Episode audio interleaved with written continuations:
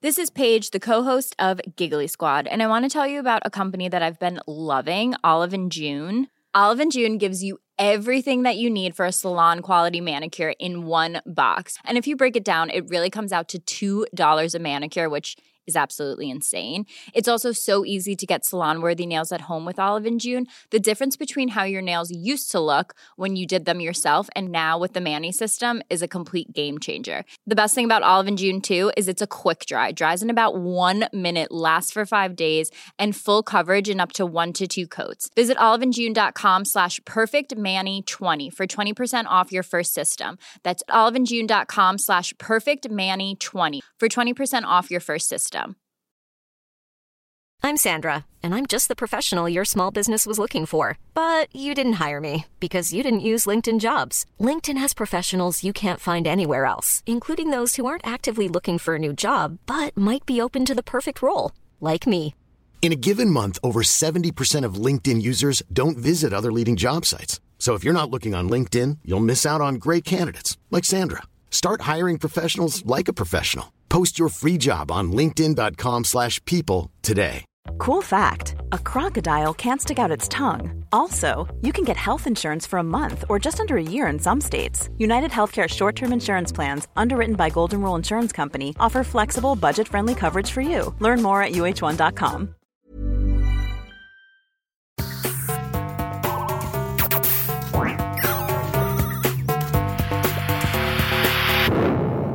Velkommen til Sinnsyn. Jeg heter Sondre Risom Livre, er psykolog, og dette er Webpsykologens podkast. Hverdagspsykologi for fagfolk og folk flest.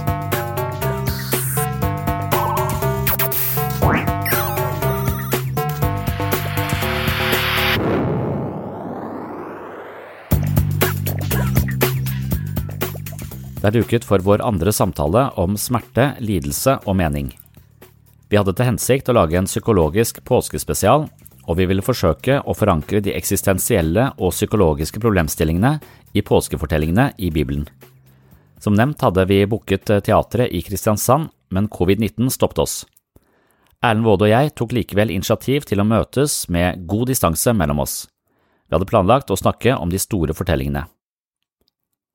Bak de kanoniske fortellingene i våre gamle visdomstradisjoner gjemler seg kanskje en større psykologisk dybde. Det er fellesmenneskelige fortellinger om hvordan det er å bli svikta av sine nærmeste, møte døden, bære sin byrde, påta seg et stort ansvar, gå til grunne for deretter å komme tilbake til livet med ny innsikt. Kanskje kan påskens fortellinger si oss noe om viktigheten av å ofre seg for noe man tror på, selv om det kan innebære sivil ulydighet og store omkostninger. Og at budskapet noen ganger kan være større enn den som bærer det, og til og med forsterkes og leve videre etter budbærerens død. Men fortellingene kan også vise oss viktigheten av individets kamp mot overgrep fra maktapparatet og folkeviljen, og dermed om hvor stor betydning enkeltmennesket kan ha. Erlend Waade er lærer, skribent og tidligere kateket i folkekirken. Han har jobbet lenge med sin egen tro, og leser nå Bibelen mer som dybdepsykologiske innsikter enn som dokumentariske beskrivelser av historiske hendelser. Han er også mer opptatt av hvordan folk lever enn hvilke livssynsmerkelapper de bruker. Helt innledningsvis hørte du standup-komiker Imo Phillips snakke om psykoanalytiske fortolkninger av måten man spiser en påskehare av sjokolade på. Kanskje er påsken full av underliggende mening og symbolske finurligheter. Et spørsmål vi ikke snakket så mye om, men som egentlig kan virke ganske sentralt, er hvordan nettopp påskeharen passer inn i dette bildet. Robin Williams har lurt på det samme. Jordan snakker masse om det at livet per definisjon er lidelse, da. Du møter det garantert. Eh, og ikke møter det nå, så møter du det snart, eller så møter du din familie. Det er eh, Du kan ikke bortforklare det, du kan teoretisere det vekk. Det er en del av livet, altså. Eller en del av det som skjer med alle. Og hva Da trenger du mening, da trenger du ha tro på at du kan bety noe, og da trenger du orden og struktur i livet ditt, selvfølgelig. Da trenger du den båten som Noah bygde, som kan bære det gjennom krisen. Og, um, og han sier jo at det religiøse språket er bare det som kan, som er dypt nok til å forholde seg til det med ondskap og lidelse, og det at vi av og til har lyst til å skade hverandre, av og til driver med ganske suspekte ting. da. eh, og forklare hva det er som egentlig skjer. Det er det religion alltid har prøvd å finne ut av, da. Hvordan møte det at du skal dø, hvordan møte du møter, hvordan skal du forholde deg til at du kommer kanskje til å oppleve forferdelige ting i morgen, eller hvordan skal du leve da? Og religionen og kristendommen sier jo på en måte grunnleggende det at da bør du frivillig akseptere det, da, og møte det med mot og, og styrke. Istedenfor å si at det ikke er noe mening med noen ting. Nihilismen eller det at livet ikke er verdt å leve, det er jo en frist Det, det går godt an å tenke det òg. Det er så mye ondskap og lidelse i verden at det, det kanskje er like greit om det ikke er verdt noen ting i hele tatt. Altså. Mange som opplever det sånn. Mm. Ja, hvis vi vet litt om alt det forferdelige som har skjedd i eh, 100 år tilbake i tid, så er det ekstremt hva folk har drevet med. Altså. Um, nei, jeg liker ikke det der som du også sa, at, at, kanskje det er bra at det forsvinner en del folk, eller at det, folk er ikke så viktige, vi trenger mindre folk, eller altså, Jeg tror ikke noe på at det er noe bra å tenke sånn, da. Jeg tror det at vi trenger hvert enkelt menneske, hvert enkelt menneske har betydning, og hvert enkelt menneske kan, kan skape noe godt rundt seg, da. Og det er det religion handler om, da. Det kristendom handler om, tenker jeg, da. Og da er vi inne på påska, selvfølgelig. Hvis vi skal snakke litt om den, og det nærmer seg palmesøndag, og syns jeg er spennende, da. Ja. Jeg har jo det forholdet til kristendom når jeg var tenåring, at det var tåpelighet og flaut og barnslig og tull og tøys og alt mulig sånn. ja. Fortellingen om Jesus og alt det der var Ja, det var suspekt og barnslig. Og noe som de voksne som vi var i opprør mot, holdt på med, og ikke vi Mm. skulle ha noe med å gjøre. Men det har forandra seg, syns jeg, da veldig. Og jeg vet ikke hva slags forhold du har til påske, da. Så har du noe Jeg har jo påskeegg og ski og appelsin og skiturer og ja. Men òg det med det, det helt dødt alt var på skjærtorsdag og langfredag. Alt stoppa opp. eh, Mm. Butikkene var stengt, og kinoene var stengt. ja. Ja, at det går litt langsommere, da. Det- det- I min barndom var det sånn, ja. Ja. Ekstremt mye mer enn det nå, da. Mm. Hvor kommer den påskeharen fra, egentlig? Hvor påska kommer fra? Påskeharen? Påskeharen, ja. Ja. Det har jeg lest om. Det var Er det noen psykedeliske stoffer inne i bildet, bildet der? Er det et eller annet sånn uh, uh... Barnebarna drev med påskehare her i fjor. Jeg har ikke hatt det som tradisjon hos, tradisjon hos oss, da, men jeg har lest litt om det. Men jeg, jeg kan ikke ta igjen akkurat sånn presist. Det har jo en, en eller annen tradisjon, det òg, da. Ja. Men den er hedensk opprinnelig, tror jeg, med fruktbarhet og egg og sånne ting. ja.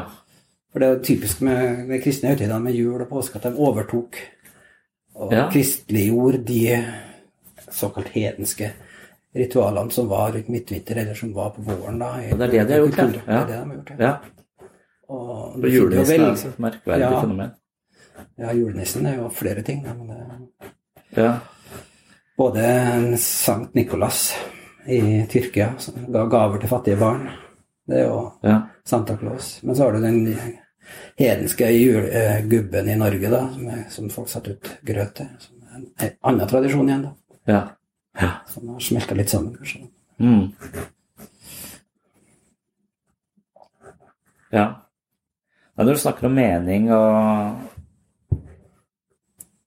og de tingene, så, så jeg, har ikke, jeg, har, jeg, har ikke hatt noe religiøs forankring i min eh, oppvekst i det hele tatt. Jeg tror du kan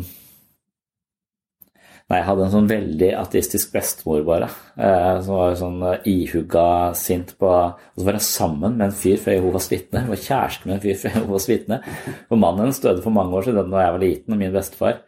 Eh, så levde hun jo aleine lenge. Hun var en utrolig fin dame, men hun var, eh, hadde veldig sterke meninger. Likte å diskutere. Og så, og så ble jeg sammen med en fyr fra Jehovas vitne som hele tiden prøvde å omvende henne. Så det var helt gærent. Jeg skjønner ikke hvorfor de Så, så jeg har aldri hatt noen sånn eh, eh, egentlig følelse for, for Nei, for du har, hatt, du har hatt aggresjon mot kristendommen, du? Altså, du har fått forbud av kona til å diskutere religion eller kristendom med Ja, det var lenge, sånn. lenge siden, jeg var liksom sånn hardcore eh, ateist, for det virket så eh, så malplassert å, å tro på de tingene. Altså, og det syns jeg fortsatt. Altså Mm, at jeg, så, men men så, så kommer det an på hvor sofistikert man skal gjøre det, og så kommer vi helt til den derre brytepunktet om Gud faktisk eksisterer eller ikke, men så, så tenker jeg la oss bare snakke om det he og hele tiden skyve det punktet der bare litt lenger opp, for vi kan aldri komme dit. Nei. Vi kan aldri vite eh, om, om, Gud eksisterer eller, eller, eller, ikke, men la oss da diskutere hva disse fortellingene betyr i sånn mm. mer sånn arketypisk forstand. Altså at jeg mener nå at eh, jeg kan kanskje forstå noe av min egen uro ved å, ved å lese meg på ulver det, det, jeg mener det er en mulighet, altså, og jeg kan kanskje forstå noe om hvordan man kan skape mening i eget liv ved å lese Jobbs bok. Mm.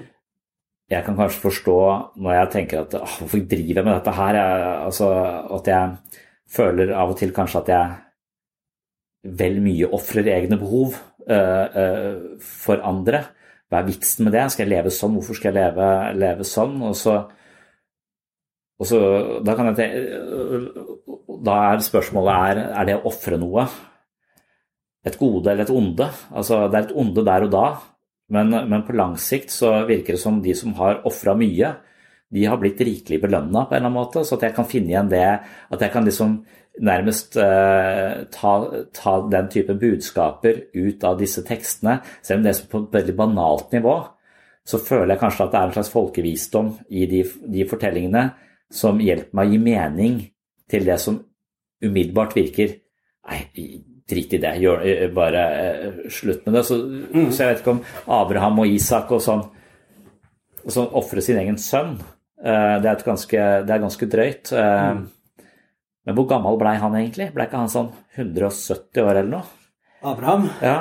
Ja, noe sånt, jeg tror. Ja, ikke sant? Så, så han, uh, han, ble jo rikelig tallene med litt klypesalt, tenker ja. jeg da, men den også. Ja, ikke sant? Men, men, poenget er vel at han blir rikelig belønna for, for, for, et eller annet. Ah, det er også eh, at uh, offer, offer, det vi ofrer uh, Hvis vi ofrer mye og, og, og, står i ting over lang tid, så kan, vi, så kan, det, så kan det være dannende, og det kan gi mye mening i seg selv. Da. Eller kanskje fortellingene hjelper meg til å holde ut Sånn at når jeg føler at dette her er bare slitsomt og tungt, så kan jeg finne en verdi i det slitsomme og, og tunge og tenke at det er en viktig del av livet. Og at det er det fortellingene eh, skal Og når vi ikke har de fortellingene, så det, kan det være at vi er inne på det samfunnet du snakker om, at de, de fortellingene er en del av vår kollektivt ubevisste som vi er nødt til å tappe inn i for å få den kunnskapen vi trenger for å leve mest mulig meningsfullt. Mm. Så hvis ikke vi har den Hvis vi ikke har de, de fortellingene eh, i oss, så, eh, så, så, går vi glipp av noe. Og da er mitt spørsmål som jeg syns er interessant med Jung, er om hvor er de fortellingene? Altså, selv om jeg ikke nødvendigvis kjenner detaljene i fortellingen om Abraham og Isak, eller eh, Jobbs bok, selv om jeg har lest akkurat de ganske nøye, så er det masse andre deler av Bibelen jeg ikke overhodet uh, har lest nøye nok og ikke forstått. Mm. Men på en eller annen måte så har jeg vært i religiøs sekting, jeg har vært i kirken, jeg har vært på mange ganger. Og på en eller annen måte så, så bor kanskje disse, denne forståelsen i meg et eller annet sted, for den bor i kulturen, og kulturen er gjennomsyrer meg. Mm. Uh, så på et eller annet nivå så er dette en, en, en, del av meg, og kanskje når jeg drømmer at det kan, kan eh, være med på å vise meg Men som sagt, jeg våkner med, med en ulv, men jeg aner ingenting om ulver. Men jeg, men jeg, kan også gå til andre fortellinger. Jeg er helt sikker på at uh, norrøn mytologi har en hel haug av ulver uh, involvert, og at de finnes, der, ja. de, de finnes overalt. Så at jeg, jeg, kan lodde dybden i meg selv via fortellingene. Og hvis jeg ikke har de fortellingene, så har jeg ikke redskapet jeg trenger for å lodde dybden i meg selv. Da. Og det er der jeg føler at det, eh, kristendom ble veldig interessant for meg når jeg skjønte at dette her er verktøy for å lodde dybden i meg selv og i andre mennesker, eller i det å være menneske. Mm. Og Det syns jeg er, eh, er, fascinerende. og Sånn sett så har påsken Det er derfor jeg sa ja til å være med på denne samtalen om påsken, som, som ikke handla så mye om påske. Så men, eh, men, men, kunne du bare gått gjennom påsken? Eh, kunne ja, jeg kan godt det, men jeg tenkte bare på det du sier om din egen forhold til kristendommen. Jeg har jo lest den boka du har skrevet om ditt møte ja. med, med, kristne menigheter og kristendom, mm. Eh, og du kritiserer en del av selve teologien i kristendommen. Jeg syns kanskje du òg, som jeg tror mange er litt prega av, da, at vi bruker et vitenskapelig språk, vi bruker et dokumentarisk språk i forhold til hvordan vi leser, leser de fortellingene. Da. Vi er veldig prega av at det må ha skjedd på den måten. Det må være akkurat sånn og sånn. Hvis ikke det har skjedd sånn og sånn, så kan vi bare glemme det, liksom. Ja. Det, det, det, Og men, jeg jobba i kirka i 30 Ja. år som kateket, undervist Bibelen og, Ja, ja. på, og fortalt om det sånn som det skjedde, Ja. så godt som jeg kunne, samtidig som jeg prøvde å legge ut at hva det betyr for oss i dag og da. Men jeg har gått gjennom en endring jeg, da, i løpet av flere år nå, der, der jeg leser Bibelen annerledes da. ja. Og det jeg har vært kateket i 30 år i kirka. Hvis jeg, jeg kunne ikke gått tilbake til den jobben. Jeg, jeg, jeg ville ha mista jobben hvis jeg snakker om Bibelen sånn som jeg gjør nå, sånn som de fortellingene jeg gjør. Sånn som jeg tenker om de fortellingene nå. Da. Så det, og da er påska, hvordan jeg forst- å lese påska, òg også veldig sentralt i hvordan For det er der påska er sentrum, da. ja. Det er mange som mener at evangeliene, de fire evangeliene i Bibelen er bare sånn, en eh, kort fortelling om uh, veien dit til Jerusalem og det som skjedde i påska, hele det det, det handler om. da, de, de, de, Den uka der. ja. Den uh, siste uka i Jesu liv. da. Men jeg må si jeg syns det er eh, litt din skyld da, at, eh, at eh, kristendom er på den måten. Ja. Ikke din skyld nå, men at det har vært din skyld. for at jeg, Jeg møter tenker at- det er de kristnes skyld, på en måte. da. Jeg syns det er det, for at de klager på Dawkins, og jeg syns også Dawkins er en ja, jeg, jeg synes, sånn småusympatisk eh, innimellom. Eh, og så sier han en hel haug med ting jeg ikke skjønner hvorfor han sier. Det virker som han sier det bare for å provosere, eller for å bevisst misforstå. Men, men jeg skjønner hvor han kommer fra. Jeg skjønner det, det å si at han, han angriper stråmenn altså, Mye av det dere sier, eh, kan angripes Det er dere som kommer med empiriske påstander Ja. om, om eh, den faktiske virkeligheten. Ja. Og hvis dere kommer med empiriske påstander om den faktiske virkeligheten, så er det det språkspillet dere har lagt dere på. Ja. Så dropp det språkspillet, legg dere på et metaforisk språkspill, og gjør dette her interessant, nyttig, mystisk, Det der har du sagt før, jeg er veldig enig, altså, men jeg tror Ja. vi kristne, hvis du kaller det jeg liker ikke det skillet mellom kristne og ikke-kristne lenger heller. Jeg tenker vi er mennesker på vei og leter gjennom livet alle sammen. Men, Ja. men uh, vi er så prega av vitenskapelig tenkemåte, vi er ikke helt klar over det sjøl, tror jeg. At ting må ha skjedd for at det skal ha betydning. Da. Det må ha skjedd på den måten der og da. Være, Så man ødelegger egentlig hele denne visdomstradisjonen ved å pælme den inn i et sånn naturvitenskapelig Ja. og en sånn positivisme som overhodet ikke har noe å gjøre i. Vi burde kanskje lest det mer som en roman. da, Vi leser Ja. de, de folkene som der, Vi tenker ikke det er viktig for om akkurat den personen har hett det og gjorde akkurat det, det men det, det, det er kanskje Mm. en sammensmelting av mange liv, og mange fortellinger til en stor fortelling som, som er kanskje enda mer sann enn eh, Ja. en enkeltmenneskers fortellinger. da. Og Sånn tenker jeg om Jesus, fortellingen om Jesus òg.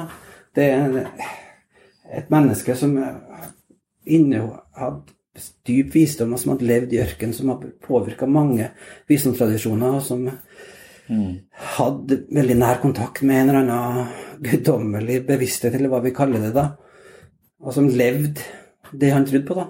Mm. Det som gjorde at han fikk mange tilhengere, tenker jeg. da. Han snakka ikke bare, han gikk ikke bare i, i upper classen og intellektuelle miljø. Han, eh, nei. han var vanlig snekkersønn, han gikk med vanlige folk. Han vandra rundt forbi i landsbyen og levde Ja. det han snakka om, da. ja. Og fikk en enorm innflytelse på dem som var sammen med ham. Og når han eh, Ja. Han gikk jo bevisst inn, tenker jeg, da, på å ta makta, den derre snekkersønnen. ja. Han, gikk, han var på vei til Jerusalem, han visste at der satt makta, og den var ikke den hvilken som helst makt. Altså det var romak, romerske keiserdømmet. Mm. De var ikke eh, snille med dem som gjorde opprør og laga bråk. ja. Tok dem. Så- det, man, det, man, eh, det måtte gå som det gikk, tenker jeg da. ja. Han har ikke sjans. Han kritiserte de religiøse lederne òg, enda mer, da, for de samarbeida med romerske myndigheter. ja. Og så, eh, det at han rensa, han velta bordene i tempelet der, han jaga ut folk med, eh, med pisk det var jo, Han hadde ingen forhåpning om at det skulle bli slutt på offervesenet i tempelet. Men Nei. det var bare for å provosere makta og myndighetene. Sånn tenker jeg, da. Ja. Du sammenligner med at folk Det er en som har skrevet det der, altså, som har tømt ut oljefatet i Oljedepartementet i Oslo for, som protest mot oljeutvinninga. Så de fikk Ja. som en ren sånn symbolhandling. Ja. Noe lignende Jesus gjorde. Du får ikke slutt på oljeutvinninga ved å gjøre det, men du får sagt noe om hva du mener om det. da. Og Ja. det, Men jeg synes nesten Ja, jeg har ikke sett på Jesus på den måten, for jeg syns det, det virker den, Da virker han litt sånn Bellona-rebelsk, liksom. Sånn der eh, jeg røyker hasj og er opptatt av miljøvern, så fuck you. Eh, Men Ja, eh, nei, men jeg mente jeg sammenlignet mer med Martin Luther King, ja, da, som Ja, ikke ja. vold til Ja. det bitre enn, altså, som en mye tøffere modigere Pisking og velting av bord er liksom Ja, det var det, det, piss. det står en vifta med i sveipe der da, og velta bordene Ja. med pengene der de drev og handla. Ja. Men jeg, jeg, jeg, jeg, har tenkt mer på Jesus som en sånn slags eh, manifestasjon på en sånn type kvantesprang i den menneskelige bevissthet eller eksistens. I den forstand at eh, du, Og du ser det samme, du kan se den samme overgangen i enkeltindividet. For at eh, det hun dattera mi på tre er opptatt av nå, er å vinne kampene mot storesøster. Den er min, den er min, den er min, den er min. Den, og, og hun går ikke av veien for å sparke borti de som eh, prøver å ta hennes leker, eller, eh, og hun tar gjerne andres leker også. Hun bare Så, så da, hun- har jo en sånn litt sånn territorial måte å være på. altså Hun er i analstadiet også, det er jo det Freud har, eh, har beskrevet. Så hun har ikke en, hun, har ikke en hun, hun begynner å dele, hun begynner å få en slags kollektiv, hun begynner å siviliseres inn i, i det. også. hun skjønner at hvis hun deler og gir, så får hun mer medgang av de andre. Hun får være med i flokken. Så, det, er det, det er ingen, så, så hun kan se hele den prosessen. Eh, og at den prosessen den skjer i enkeltindividet, fra i går om meg og mitt, til at vi kanskje får nok, eller føler oss og, og skjønner at vi har Det er kanskje enda mye bedre å kunne gi noe til andre mm. enn, enn å hele tiden skal ha noe. Og den kampen om å hele tiden fylle dette tomrommet og, og få noe, det er egentlig et utmattende måte å leve på.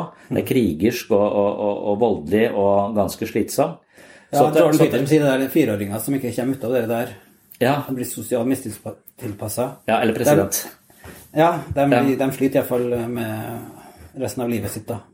Veldig ofte. Ja, ikke sant? Så, men, men bare at det, også at Jesus på en måte er en slags manifestasjon på at mennesket har skjønt det. Og at menneske, menneskets kultur har nådd et punkt hvor det er mulig det som i Maslows behovshierarki vil si metabehov. Mm. Vi har ikke lenger bare behov for å, for å få, men vi har også behov for å gi. Og at denne kjærligheten er det som det er der livet eh, virkelig har en helt, noe helt annet å by på. Og, og det føler jeg også selv, altså at jeg i glimtvis kan føle en slags genuin omtanke for et annet menneske. Det er noe av eh, den beste følelsen man kan ha. Det er sikkert en del av det, men jeg tror òg det er den vanvittige impulsen Jesus har i forhold til det individets betydning, da. Det er mange som mener at uh, Gammeltestamentet handler om at det var på en måte frelse i, det, Ja. i staten, da, i, i jødefolket, eller Ja. det utvalgte folket. Ja. Og så blir, blir den korrupt, og så krasjer den, og så oppstår det nye kulturer og samfunn, og så, så blir de korrupte, sånn som det skjer med alle sivilisasjoner eller kulturer, da. Ja. Står i fare for å bli korrupt. Mens han sier på en måte, og det har vært den, den største impulsen i den vestlige kulturen, kanskje, da, at det, det individet det handler om, altså det, det individets betydning. Det, det, det der, det, Mange mener at rettssystemet vårt bygger på det. da. Alle har, skal behandles likt, uansett om det heter Anders Behring Breivik eller det heter Erna Solberg. Ja. Eller stemmeretten. Alle har lik Ja. rett til å stemme. Mm. Den der, um, det tror jeg på at det, det, det skjedde noe det, En vanvittig impuls som gikk ut fra Jesus, den, den betydningen han fikk, da. Mm. I forhold til det eh, betydningen som hvert enkelt menneske har, da. ja. Var, Det, men det gir oss veldig mye ansvar òg. ja, det er det, så. Det er ikke så rart vi flykter fra det heller, da. Nei. Men eh, Men ha litt tro på det, ja. At jeg tror kanskje vi holder på å miste det litt òg, da. Altså, vi er blitt sånn gruppe, det er gruppa du defineres ut ifra den gruppa du tilhører, hvilken gruppe du er med i. Så blir det konflikter mellom ulike, mellom ulike grupper. Altså. Sånn som hvite privilegerte menn i USA som ikke har lov å si noe fordi at du tilhører den gruppa der. Dermed har du ingenting å bidra med lenger. Du er på en måte plassert ferdig. Du er, du er bare avatar av en, en gruppe, liksom. Ja. Det, det, det er ganske sterke ting som skjer i kulturen vår, syns jeg, da, på det, da. Og at vi ikke helt veit Ja, sånn Hvilken betydning, politikk. ja, Mm. hver enkelt av oss egentlig har. At, at, eh, at fri meningsutvikling, vi kan lære noe av hverandre. Du har noe viktig som du kan lære meg, jeg har noe viktig uavhengig, av hvilken gruppe jeg tilhører, hvor jeg er født hen, eller Jeg er selvfølgelig prega av det, men, men det å snakke sant, det å, det å det har Jordan Peterson har vært utsatt, for det, at folk vil stoppe det, eh, lage motlyd, vil ikke høre på det som blir sagt. Mm. Sensureres vekk noen meninger. Og Det er jo en sånn skummel ting syns jeg. da. vi bør tåle veldig mange ting som blir sagt, tror jeg. Og det kan være noe fornuftig i nesten alt som blir sagt. da. Og det at du er suspekt fordi at du tilhører en bestemt gruppe, og det du mener der, det er det er sånn angrep på kjernen, syns jeg, da, i det som hele fundamentet for den kulturen vi lever i, bygger på, da, tenker jeg, da. Ja. Det, Det, det vel, jeg tror den kommer fra kristendommen, nemlig. Hele det der utviklinga der. ja. Fra Jesus. Jeg vil kanskje utfordre det litt, for jeg mener jo at de som mener noe veldig bestemt, som regel er litt teite. Per, per, per definisjon. Nesten. Ja, det er det jeg prøver å si, da, men jeg Ja. prøver å si at Jordan Peterson igjen, da, men det å kunne lytte til hverandre og tro Ja. at du har Det kan være iallfall 1% av det du sier som, eh, som jeg ikke har visst fra før. Jeg kan lære noe av andre hele tida. Altså. Ja. Ja, jeg snakker ikke for å prøve å overbevise deg om at jeg har rett, men jeg, jeg, jeg snakker for å finne ut noe sammen som kanskje kan gjøre oss til at vi forstår litt mer hva som er lurt og ikke lurt. Ja. Det, det er jo det hele dialogen, demokratiet, alt det der bygger på. At hvert enkelt Mm. menneske kan bidra. Hvorfor har ikke. Sokrates mer gjennomslagskraft da enn Jesus? eh, nesten? Jeg føler Sokrates er veldig mye mer sånn eh, dialogisk i sin, eh, sin måte å være på. Han er jo ofte utgangspunktet for samtaleterapien også, at man stiller mer spørsmål enn man Ja. gir Ja, ja. svar. Altså, tenker du at Jesus ligner på den måten? Ja, jeg tenker det, ja. Ja. Han sier jo sannheten skal sette deg fri. Han sier ikke Ja. kall noen på jorda for far eller eh, ja. du, du, skal, du skal veiledes av Han kaller det Den hellige ånd, da, men altså den, den indre energien, den indre visdommen du har med deg da, som menneske. ja. Veldig individualistisk det at statskirken kommer til hvert, og presteskap og alt det der, det tror jeg er en sånn eh, sidespor i forhold til det som Jesus sto for. da. Ja. For han snakka at du, du, det er du sjøl Mm. som må gå den veien. Da. Han snakker om det å gå den veien som han gikk, da. ja. Ta opp kampen mot urettferdigheten. Ta Ja. opp kampen mot dem som definerer ut grupper som suspekte eller umoralske, eller så. Våg å tro at du har betydning. Våg å ta opp kampen. Han gikk, han gikk jo rett i fleisen på, på dem, han da, men han eh, ble jo drept òg, da. Mm. Jeg tenker at fordi at budskapet han var så stort, eh, så, så sant og så viktig, sånn, eh, så overlevde på en måte han da. Han levde videre i disiplene sine etterpå.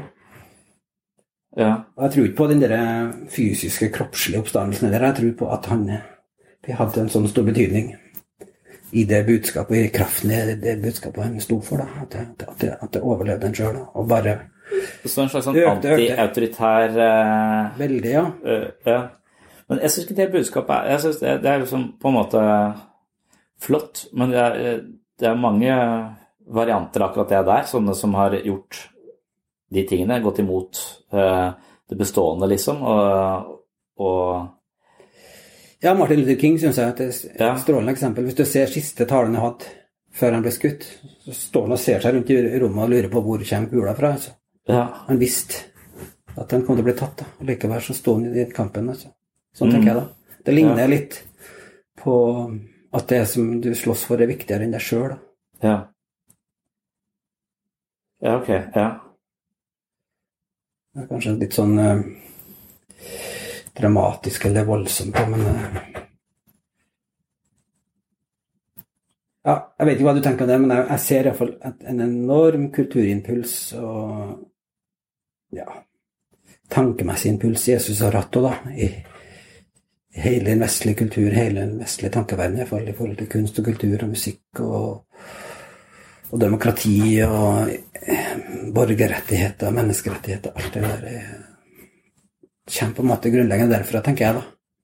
ja. Selvfølgelig i samspill med mange andre ting, men det er der det starta, på en måte, tenker jeg.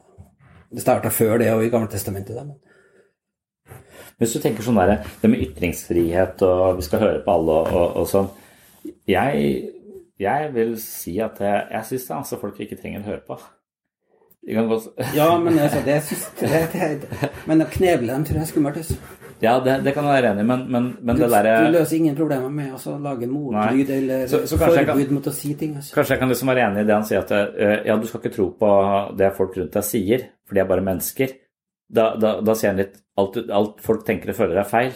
Så, uh, så, ta det litt med en klype salt, det er alle de uh, Hvem er det som sier det nå, eller hvor? Jeg var ikke helt med.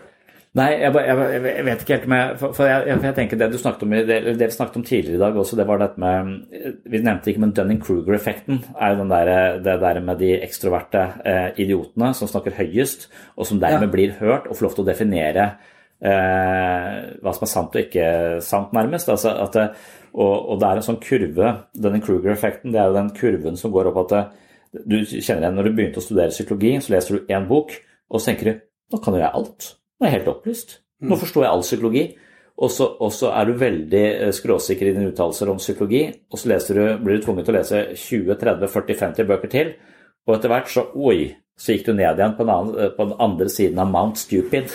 Mm. Og på andre siden av Mount Stupid så har du skjønt at det er så mange nyanser i dette bildet her at det å si noe skråsikkert det blir nesten alltid feil. Mm. Uh, for da vil du på en måte diskriminere. Så i verste fall så blir disse folka her helt tause. For de orker ikke, de kan ikke si noe. De, de får ikke plass til, uh, til, å si noe som er meningsbærende. Fordi de bruker så lang tid på det. For de må ha med så mange nyanser. Derfor så er det de folka som står her oppe og skriker høyt, som alltid blir hørt. Mm. Uh, og ja, men er ikke en annen vinkling òg, med det som Sokrates sier da når han var til oraklet i Delfi og ble, ble, Hvem var den viseste mannen i, i, verden? Og det var han, da, sier oraklet. Men det, ja. men det er fordi at han ikke vet noen ting, da. Ja. ja. Han vet at han ikke vet noen ting. Ja. Og det, det, er det som Og det at han kan lære av han, han spør. Ja. Han snakker med folk, han, han, han regner med at andre kan ha noe å bidra med. da. Ja. Det, er det, det, vist, det finnes jo visdom, ikke det? Altså, det er ikke bare Du blir ikke dummere dess mer du finner ut av, eller dess lenger du lever. Nei, du blir ikke Men jeg tenker det å slippe unna Dunning-Kruger-effekten Problemet med de som er fanget av den effekten, er at de, de, vet hva de vet, men de aner ikke hva de ikke vet. Mm. Uh, så, så, dermed så regner de med at det de vet, er det som er verdt å vite. Også, men etter hvert som du leser mer og mer, så får du en slags uh, ja, det er litt som å se på når dattera mi liksom ser på globusen, og så verden er ikke så stor. Men hvis vi begynner å gå ut i Egers, og vi ser at vi ikke kommer noen vei på den globusen, så, så skjønner du at uh, da begynner man å gå foran og i heite, den verden her er svær, liksom.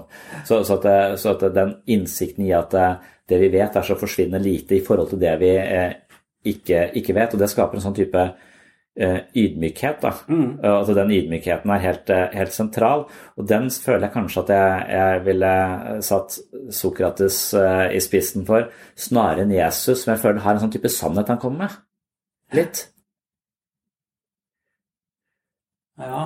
At han, at han er en sånn fyr som mener å vite Han sier altså, ja. jeg, jeg, går, jeg, jeg, lever det livet jeg lever. Det er, jeg møter motstand. Jeg, jeg, tar livet på alvor. Jeg, ja, han er et ja. godt forbilde, det er et godt eksempel. Ja, det kan jeg være enig i at han er et Han er en slags ja. arketypisk eh, person, tenker jeg. Han er, han er, på en måte den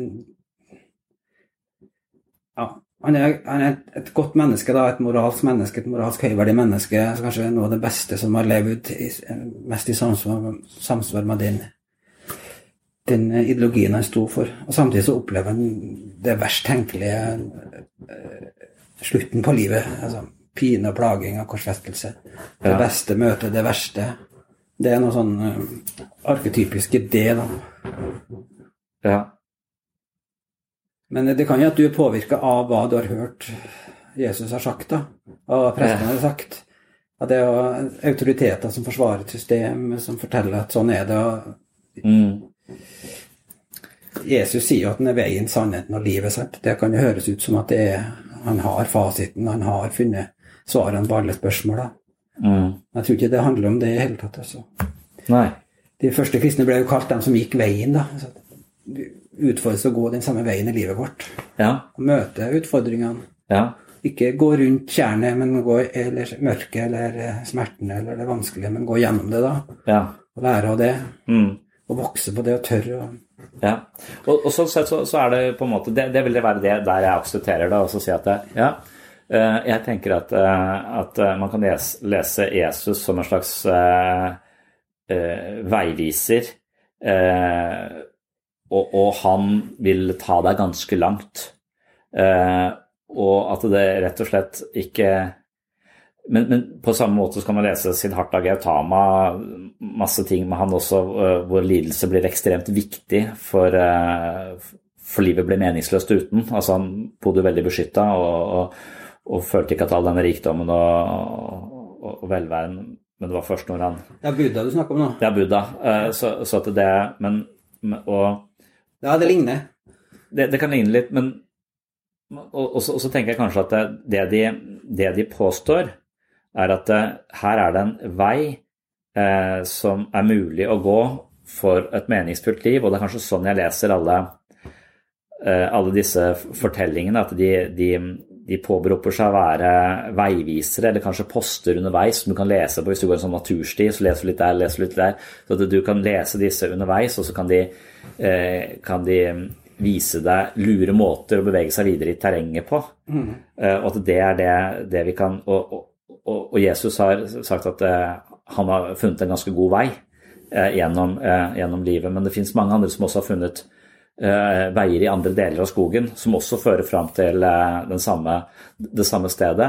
Og at det egentlig er et slags, at det, akkurat der er det et slags empirisk spørsmål. Altså at det, hvis du prøver å leve på denne måten, så vil du etter all sannsynlighet både utvikle en ganske sterk moralsk karakterstyrke. Eh, du vil eh, kunne bli standhaftig, og du, du vil få masse, masse, egenskaper med deg på denne veien her som vil være ganske prisverdig, og som vil tjene deg veldig godt der, der framme. Ja, særlig i møte med kriser og Særlig i møte, ja, men også, og det er sånn, så, som meditasjon, f.eks. Ja. Eh, meditasjon er, er, noe jeg vil si at etter hvert som jeg har holdt på med det veldig lenge uten å føle at jeg egentlig får det til, så langsomt så, så, så bor det i meg på en sånn måte at jeg jeg har hørt så mange si det er veien å gå. det er veien å gå, og så jeg har prøvd og prøvd, så, faen, jeg bare tenker på andre, andre ting. altså at ikke, men, men, men hvis du virkelig investerer i det og gjør det de sier, Eh, eh, så, så, vil det ha en ganske stor eh, gevinst der framme. Det er et empirisk spørsmål. Altså, du, må bare, det er en oppskrift. Gjør dette, så vil du få kontroll på hodet ditt på en helt annen måte. Og det er hodet ditt som genererer alle opplevelsene du har av livet. Så hvis du klarer å få kontroll på hodet ditt på den måten der, sånn, så har du et mye bedre utgangspunkt til å leve det livet du ønsker, det livet du på en måte ser opp til og, og vil for deg selv, istedenfor å bøye av på alle disse omveiene som vi ofte tar, eller eh, mm. rastene vi tar for tidlig og så, så videre. Så at det, er, så at det, det kan leses som, ja, som, som veivisere. Og det, sånn, sånn, tenker jeg eh, på det, at det kan være ganske verdifullt. Men da er spørsmålet hva er, hva er da uh, utenom å uh, tenke på om Jesus i det hele tatt har uh, levd eller ikke. Mm. Jeg har snakket flere ganger om at, eh, at, eh, som jeg tror jeg har fra Jung eller John Peterson, at, eh, at, Jesus kan være et bilde på selve også. At, mm. at vi, vi, dør for å At hver gang vi Hver gang en krise oppstår, enten det er en sånn krise som nå, at det vil forandre oss Vi blir aldri blitt den samme. Samfunnet vil kanskje ikke bli den samme etter denne krisen som du var inne, inne på. Mens det, det, det, samme gjelder for oss, for at vi kan ta feil. Eh, og vi kan tviholde på den eh, sannheten som er feil. Men til slutt så, så, så innser vi at den, den sannheten det, det, er falsk, det, det, stemmer ikke. Eh, og da må du omorganisere mye. Du må, du må forlate den måten og det perspektivet til fordel for et helt nytt perspektiv. Og noe av deg selv må da dø. hele din, Og hvis det handler om det kan ha store ting, personlige ting, din egen selvfølelse, hva du tror om deg selv og din egen verdi. Mm. Det å forlate en måte å se det på til fordel for en helt ny en, det er som å, som å dø og gjenoppstå. Mm. Og, og, og uansett om du da går fra en dårlig selvfølelse til en god selvfølelse, så er, så er, det døden likevel skremmende, mørk og skremmende, og så kan du oppstå men, men etterpå så oppstår det som noe nytt. At dette, det å forlate noe til fordel for, for noe nytt, Det er alltid forbundet med en viss angst og uro i menneskelivet. Motstand mot det er alltid Det er, det er motstand mot det, det, og hvis vi ikke Som regel må vi tvinges i det. Som regel så må vi tvinges i det. Ja. Og, men Sånn som vi, nå, da, så møter vi det på en måte. og nå møter vi den, men nå kommer det utenfra. Ja. Ja. Eh, Men som en konsekvens av den friheten vi har, tenker jeg da, som Ja. de ulvene som, som løper etter meg, så, så at jeg har misbrukt friheten min, det får jeg så, så Koronaviruset er personlig, tenker jeg, på meg også, i min, i min lille fortelling om mitt liv. Ja så er dette en slags eh, Du har reist rundt verden, vært på Tenerife og, og spist eh, treretters ikke? Jeg har levd på en måte som jeg, som jeg Du tar ikke egentlig tro på straffa, du. for noen begynner en del kristne å snakke om kanskje det er Gud som er ute og straffer med Det er sånn de har tenkt mange ganger gjennom historien at det, det er Gud som Sånn tenkte de med Noah òg, at det var Gud som straffa. Ja, og jeg, men jeg tror Da har vi fortjent det, da? Er det det du sier, på en måte, da? Eller du Ja, har fortjent det? det kan du nesten si at jeg, jeg tenker For da er du inne på eh, Men, men Samme te- jeg, jeg, tenker det ikke i den forstand at jeg tror at jeg er årsaken til eh, At jeg alene er årsaken til eh, klimaet, på en måte. Jeg, tror, jeg tror bare at jeg, som mange andre, har levd livet mitt på en litt sånn Uh, Ja, på, på, på, på en bølge av um, letthet. Mm. eh, og til dels fråtsing. Egentlig så har jeg nok i meg at jeg ikke er så veldig fråtsete, så jeg får veldig lett jeg, jeg, jeg kommer nok Jeg ble født tidlig nok til å på en måte ta litt vare på ting. Så, så, så jeg har det på en måte i meg, men likevel så syns jeg at jeg kanskje sløser litt, da. Og, og at, at den derre og at jeg stå, Bare sånne små ting. Jeg står der med, med en sånn Pakka opp en sånn greie i stad, så var det papir der, så var det plastikk der. Men det var stifta fast i det der plastikken, så det var ganske hardt satt sammen. Og da kan jeg med letthet selv bare kaste det oppi den uh, søppelkassa, eller jeg kan på en måte ta den jobben der med å få den der papiret av, putte det i papirsøppel og det andre i plastikksøppel. Og det, det gjør ingen forskjell overhodet på noe som helst nivå. Den er så mikroskopisk at den syns ikke. Det er som en fjert i universet at jeg gjør det. Men det har likevel en stor betydning, for at det, det å gjøre det er viktig for min for mitt ideal og hvordan jeg skal være som menneske. Ja. Og det er så lett for meg å droppe det. For, bare, for det er ingen som ser om jeg kildesorterer den eller ikke. Ja, det er ikke viktig, gi- det er ikke viktig, det har ikke så Ja. betydning. sånn og jeg har etter hvert begynt å kildesortere mer og mer, og tenker da i litt sånne fortellinger at det er lurt å, å ta bryderiet med å gå en ekstra, gjøre en ekstra ting, være litt ekstra forsiktig. Og, og, og det å adoptere det, det tror jeg på sikt gir, gir livet mitt en større at, at jeg har en integritet som jeg kan være stolt av, på en måte for meg selv. Ja. Det, ingen, det gjør ingen forskjell i den verden. Og når jeg ikke gjør det, så kommer straffa. Men straffa selv om jeg nå lever øh, sånn som etter alle idealene mine, så vil kli- klimaet fortsatt slå oss i huet. Så det vil gå fortsatt til helvete. Men, men, men Ja, det, er, det, det, det, det, går, det er på et stort nivå, men det er også på et lokalt nivå. Så, så jeg tror nok at jeg med, i mitt personlige liv kan gjøre Og det trenger ikke bare handle om klima, det kan handle om måter jeg er på som menneske, som kan øh, som, som på en måte jeg, jeg kan forbedre, da. Og at det er eh, helt sentralt. Og det ofte er forbundet med å gjøre noe som er litt mer anstrengende enn lett. Det er. Hver gang jeg gjør det som er litt mer Lettest, ja. smertefullt, eh, eller litt mer vanskelig enn det som er det letteste og minste motstands vei, så, så betaler jeg med karakterstyrke. Og, og, og det budskapet tenker jeg kanskje kommer fram i mange av disse fortellingene underveis i denne kristeskogen, hvis det er den du går i. Det Eh, det, ja. Men du kan Nei, godt gå det- i en eh, filosofisk skog også og finne akkurat de samme Det tror jeg da. eh, beskjedene. Det er jo en fellesmenneskelig visdom, selvfølgelig. Og det er noen tradisjoner som, som vi er mer prega av enn andre, da. Det, det tror jeg nok. Ja. Men når du snakker om straff, så jeg liker ikke Jeg, jeg, bruker, jeg, jeg tenker det er konsekvenser. Det, det har konsekvenser, det er det det betyr. Ja, Det ja. som står i Bibelen òg. Mm. Det var krig og drap og forferdelige ting som har skjedd rundt Noah, og det fikk en konsekvens da syndfloden er et bilde på Mm. at, det, at, ting, at det ble katastrofer ut av det. Er så, jeg syns klimakrisen er litt for politif, eh, politifisert, er det det kalles. Det blir for venstre-høyre-aktig diskusjon der, da, men, men eh, det som skjer nå med, med korona, så det tror jeg det handler at noe har konsekvens, som du sier, da. Den måten vi lever på, får noen konsekvenser, enten det at vi har tatt fra noen dyr leveområdene sine, at vi lever for tett på noen dyr, eller Absolutt. Og, og, og, det, og da kan man Men samfunnet er kaller det straff. straff eller konsekvens. Altså, det er ja, Det er to forskjellige ord for meg, da, men det, Ja, det, det, det, og, og, og, men det, er fordi at det er mange som bruker straff i Bibelen, og Gud som en skikkelse som straffer. Da. Det, jeg tenker at det betyr ikke det betyr det som står i Bibelen, at, det, at det, ting har konsekvenser. Da.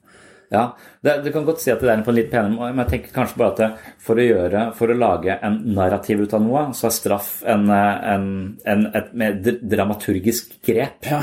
Fordi at uh, straff som er det det, det, det, skaper mer spenning og dynamikk hvis man gjør noe så får straff uh, for det. Men det som, men, og, og, og det jeg gjør, får konsekvenser. Det er det som er straffen. ikke sant? Det er det som er den dømmende guden der framme. Det får konsekvenser. Hvordan jeg lever livet mitt, det får konsekvenser for meg og min moralske karakter eller min eh, Jo da, men det samme er ja. jo, det skumle, litt skumle er jo at det er ikke noe garanti. altså du, Livet kan jo krasje samme hvor moralsk bra du lever. Det er ingen sånn absolutt Ja. garanti for samme hvor mye godt du lever, hvor mye du ofrer, så er du, du er ikke garantert. Men det, det er den beste prognosen da, for at livet kan få en god retning, da. Hvis du, hvis du velger å leve Ja. Ta ting på alvor og leve eh, ja, Ta gode valg. Men det, Jordan Peterson snakker jo om det, jeg synes det er et veldig godt bilde. Han snakker om eh, dikene i Nederland som er bygd for tusenårsflom, da, eller flo. Mens i New Orleans der var det bygd for 10-15-20 års Ja. flommer. ja. Og det var korrupsjon, og det var bygd dårlig, og det var mange som eh, Mm. ja. så, så kan du si at det, det var naturen eller Gud som ja. kom og tok dem, men det kan være andre ting som som er årsaken. da. Er Dårlige valg eller Men, men jeg lurer dårlige på, mennesker. eller så... jeg lurer på om, eh, om straff Jeg tror kanskje straff som fenomen er litt mer sånn ja, At det har noen sånne kvaliteter som snakker til mennesker på det, nivået mennesker er.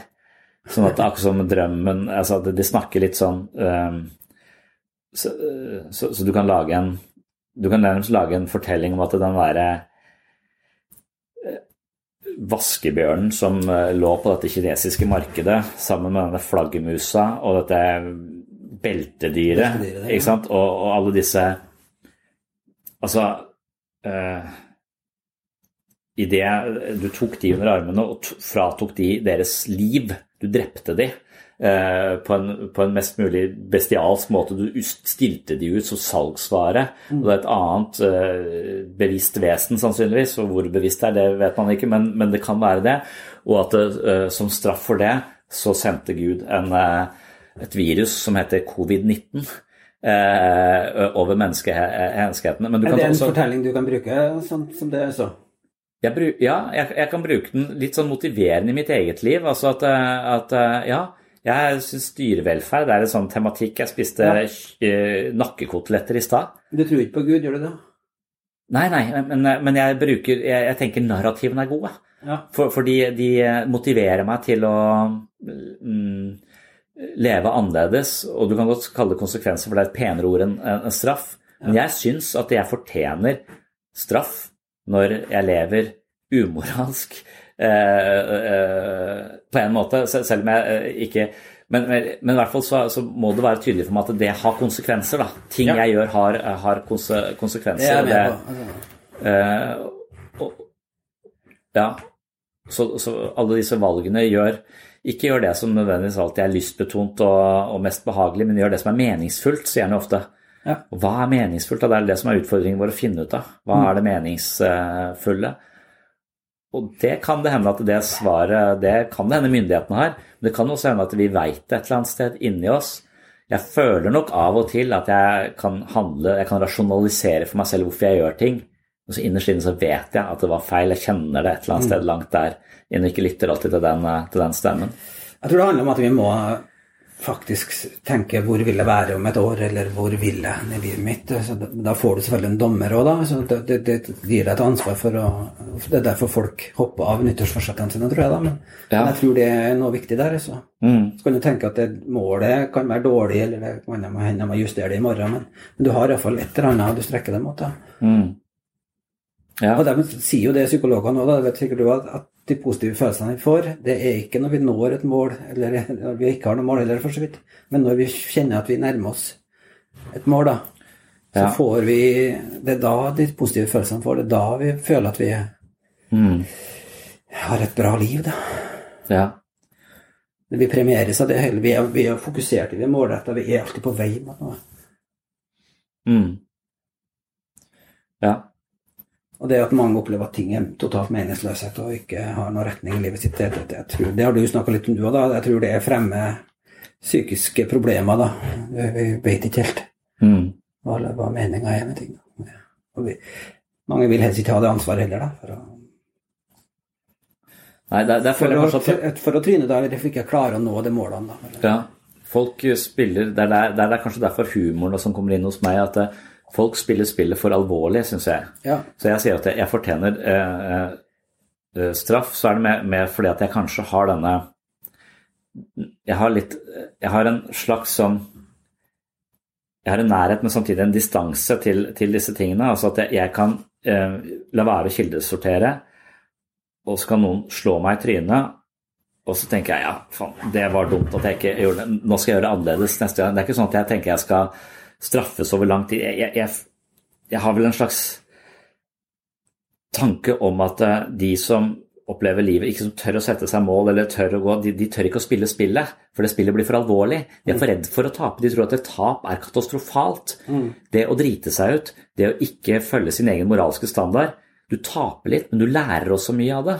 Så, så jeg, ser, jeg, jeg tenker at jeg, eh, jeg eh, Derfor så er jeg eh, konsekvens, ja. Ting får konsekvenser for meg, og det lærte jeg av. Ja. Og, og, at at det, og det å ikke tørre å ta noen konsekvenser ved å ikke gjøre noe som helst, det er den verste måten å spille dette spillet på. Og, tar, og jeg tror du tar det for seriøst, da. Jeg tror uh, du legger for mye i et uh, tap, et nederlag, en dag du dreit deg ut, en dag du skrev eh, Hadde en skrivefeil, en kronikk, i, i eh, ja, det lærer en litt av etter hvert. At det, det Så- overlever en del. ja, man, ja, Jeg jobber jo masse med innvandrere og lærer dem norsk. Jeg vet ikke hvor mange tusen ganger jeg har sagt det der. Snakk. Snakk feil, det er kjempebra. Det er det du lærer av. mm, De har en sånn fordel, de som tør å bare besnakke altså. ja, Om det er feil, og det spiller ingen rolle, men det lærer hele tida. ja. Men de som er If you're looking for plump lips that last, you need to know about Juvederm lip fillers. With Juvederm Volbella XC and Juvederm Ultra XC, your lip look, whether it's subtle or bold, can last up to one full year with optimal treatment and no additional maintenance. Find a licensed specialist and see if it's right for you at juvederm.com today. That's J U V E D E R M.com. Add fullness to lips in adults over 21 with Juvederm Volbella XC or Juvederm Ultra XC. Do not use if you have severe allergies or a history of severe allergic reactions, or if you're allergic to lidocaine or the proteins used in Juvederm. Tell your doctor if you have a history of scarring or taking medicines that decrease the body's immune response or that can prolong bleeding. Common side effects include injection site redness, swelling, pain, tenderness, firmness, lumps, bumps, bruising, discoloration, or itching. As with all fillers, there's a rare risk of unintentional injection into a blood vessel, which can cause vision abnormalities, blindness, stroke, temporary scabs, or scarring. For full important safety information, visit juvederm.com. When you're ready to pop the question, the last thing you want to do is second guess the ring. At Bluenile.com, you can design a one of a kind ring with the ease and convenience of shopping online. Choose your diamond and setting. When you find the one, you'll get it delivered right to your door. Go to Bluenile.com and use promo code LISTEN to get $50 off your purchase of $500 or more. That's code LISTEN at Bluenile.com for $50 off your purchase. Bluenile.com code LISTEN. Millions of people have lost weight with personalized plans from Noom, like Evan, who can't stand salads and still lost 50 pounds. Salads, generally, for most people, are the easy button, right? For me, that wasn't an option. I never really was a salad guy. That's just not who I am. But Noom worked for me. Get your personalized plan today at Noom.com. Real Noom user compensated to provide their story. In four weeks, the typical Noom user can expect to lose one to two pounds per week. Individual results may vary. ikke tør å uh, snakke feil. ja. De lærer det mye senere. Altså. ja. Og det er noe av det samme, da. Ja, Kanskje det også er en sånn konsekvens av det hva, hva er det du kaller det? Ikke-lidelsessamfunn, eller nei? Pain Avoiding Society. Pain Avoiding Society. Du har en norsk oversettelse på det også? Smerteunnvikende samfunnet, da. Ja, Smerteunnvikende samfunnet. altså at det, det er Vi glatter ut, vi tar vekk friksjon, vi, vi Ja. ja, og da, da legger vi også opp til en standard hvor det å, å tape og drite seg ut liksom ikke er eh, innafor, da. Og jeg føler det er en sånn type perfeksjonisme som er en total misforståelse av menneskets natur. For et menneske vil jo hele tiden gå fra å være ræva, litt mindre ræva, middelmodig, eventuelt litt over middelmodig, og så kanskje langt der framme rimelig god. Og at det gjelder nesten på alle parametere i, i livet vårt. Så hvis vi ikke tør å være middelmodige og ræva, så, eh, så vil vi aldri bli gode, eh, i hvert fall. Vi er veldig få naturtalenter. Eh, Ja, men i er det pussig det vi sier til barn og unge, da, at du er perfekt sånn som det er. Ja, ja, de er jo Du ikke du- Hvis sønnen min fortsetter å ha eh, den graden av uh, affektreguleringsevne han har nå, uh, resten av livet, så blir han jo bura inn før han er Vi burde si mye mer. Du er på vei. Altså, du, Ja, du du kan vei. bli en vanvittig my- mye bedre versjon av deg sjøl. Ja, som For du er mye bedre budskap å få, da. ja. Så, Så, men det er vel det, altså, det å vise at vi aksepterer fordi at vi forstår at de er på et nivå hvor de, hvor de gjør så godt de kan. Ja. Men de skal hele og, og, ja. Jeg har jo snakket eh, om det mange ganger på eh, Og det vet jeg ikke om er sant, men jeg tenker at det, evnen vår til å holde ut smerte og regulere følelser og håndtere livet, det ligger ofte i en del av hjernen som litt seint utvikles. Ja. Prefrontal cortex. Så, den, så sønnen min har ikke denne. Så jeg kan, så jeg kan godt si ja, ja, eh, jeg kan godt forstå at du reagerer på denne totalt uhensiktsmessige måten ved å smelle den døra i eh, veggen så alle bildene detter ned. Eh, men, eh, og, siden du ikke har prefrontal cortex, så kan jeg ikke på en måte bli streng på deg nå. Men hvis jeg ikke legger noen føringer og ikke krever noe mer av han der, i den situasjonen, så lar jeg han være totalt middelmodig altså når det gjelder Ja, ja. eh, affektregulering. Så jeg tenker av og til at jeg snakker til den prefrontale cortexen som ikke er der, men idet jeg snakker til den, så, Så kommer den. den, ja.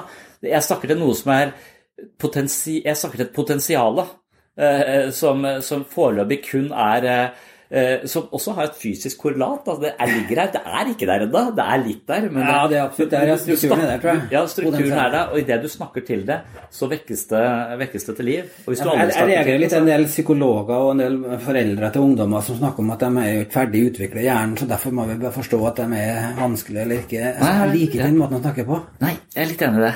Eh, det Så det Jordan Peterson sier da, som jeg syns er veldig fint, da, hvis en fireåring har lært hvordan han skal bli likt av andre og spille spill og leke sammen med andre, mm, så har du eh, lagt det beste grunnlaget av alle, da. Ja. For det er det, det, det vi trenger, da. Hvordan vi skal gi og ta og, og tåle å tape og la andre vinne og alt det der ja. som lek og spill handler om. Da. Det, det tror jeg kan læres tidlig, akkurat det. da. Ja. Men eh, Ja. Nei, men jeg, vi må kanskje runde av, men jeg tenker at jeg, jeg tror veldig på at vi trenger å fornye litt de gamle, den gamle visdommen, de gamle fortellingene. Det sier vel kanskje du òg, da. At det er noe å hente der fortsatt, da. Det er visdom i dem, altså. Og Jeg- jeg- jeg liker det, at det er skummelt å bare kaste dem ut. sånn som jeg tror jeg tror ikke vi vet helt hva vi har. Det, det, det er vel Jung som sier at vi må, vi, vi, må redde vår far i hvalfiskens buk. Altså, vi må ja. ned der og hente. For det er noe der. Han er død, Ja. men det, det er noe visdom der som vi, vi må ikke hive ut alt. Nei, Pinocchio? Pinocchio, ja, det, er- det, det, ja. Men det er mange fortellinger om det der, da. Ja. Redde Mm. For de gamle døde Pinocchio kulturene. lyver jo hele tiden. Hæ?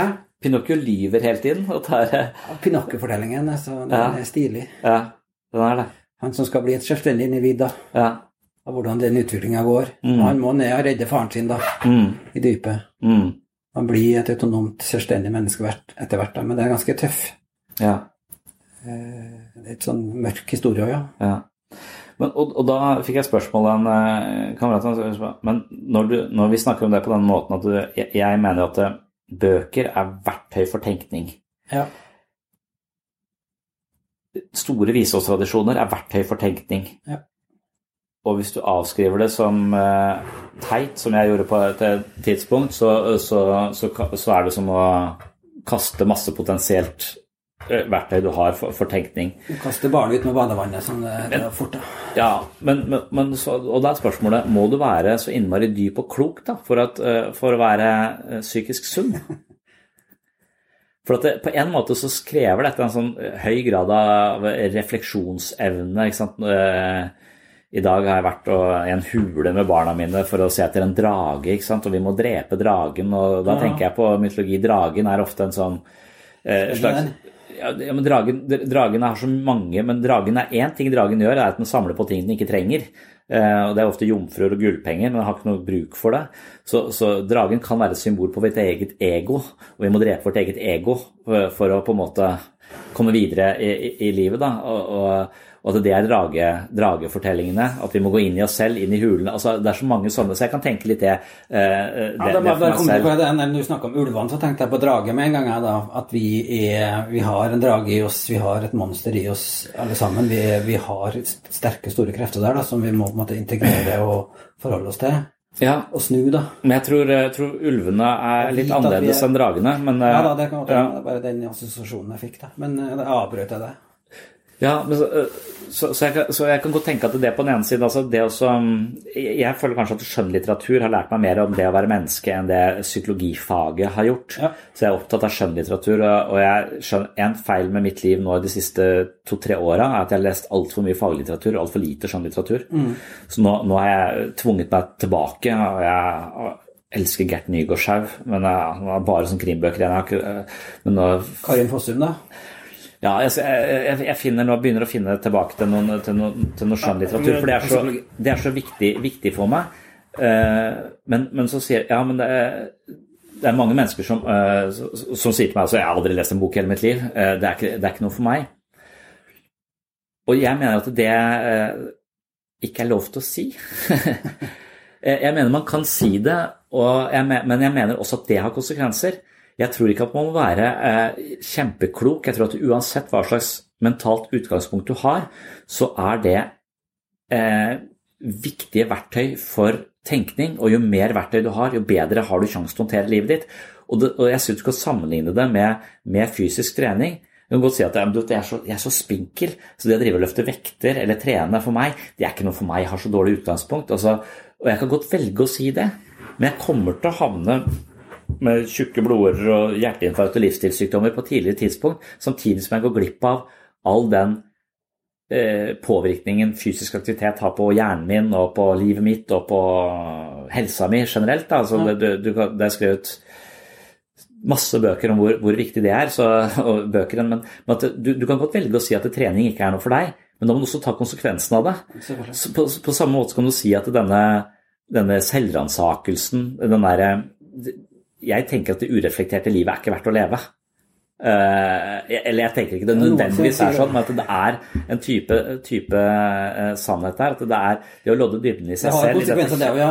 Kjerne. Det vil ha konsekvenser. Det kan godt være at du kan leve rimelig greit på det uten Særlig i vår kultur, særlig i vårt samfunn, tror jeg, så kan du kanskje gjøre det en stund, da, men Du kan kanskje gjøre det en stund, men på et eller annet tidspunkt så tror jeg det får en eller annen konsekvens. Akkurat som hvis du aldri trener, så tror jeg det på et eller annet tidspunkt kommer til å få en konsekvens. eh, For det er hvert fall hvis du har veldig stillesittende arbeid. Hvis du er snekker, så er det helt greit. Da er du liksom i eh, eh, Ja, det tenker jeg ja.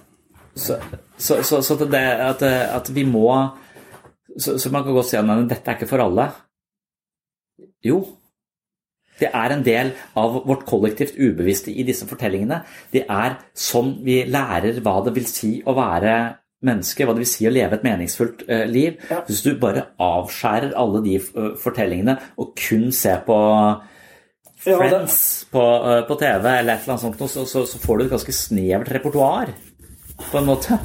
Og det er veldig sånn fordomsfullt å si. eller sånn er det, ja. intellektuelt Men jeg mener ikke det er ikke det. Altså, jeg føler at det, her sånn så har mennesker kommet og kanskje aldri lest en bok i dette rommet, og etter hvert som de er her inne, møter andre mennesker med litt andre interesser, begynner å lukte litt på det, får noen ideer, får noen nye ord, får noen nye eh, innsikter.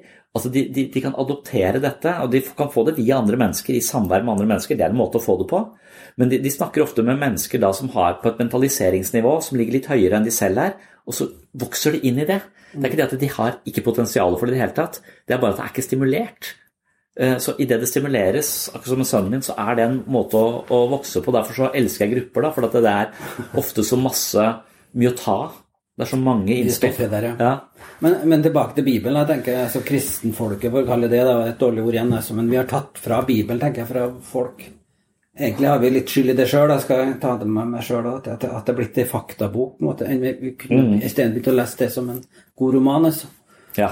Eller som et godt eventyr, for den saks skyld. Mm. Som inneholder visdom eh, destillert gjennom tusener av år på Mm. hva livet handler om, da, dypest sett. ja.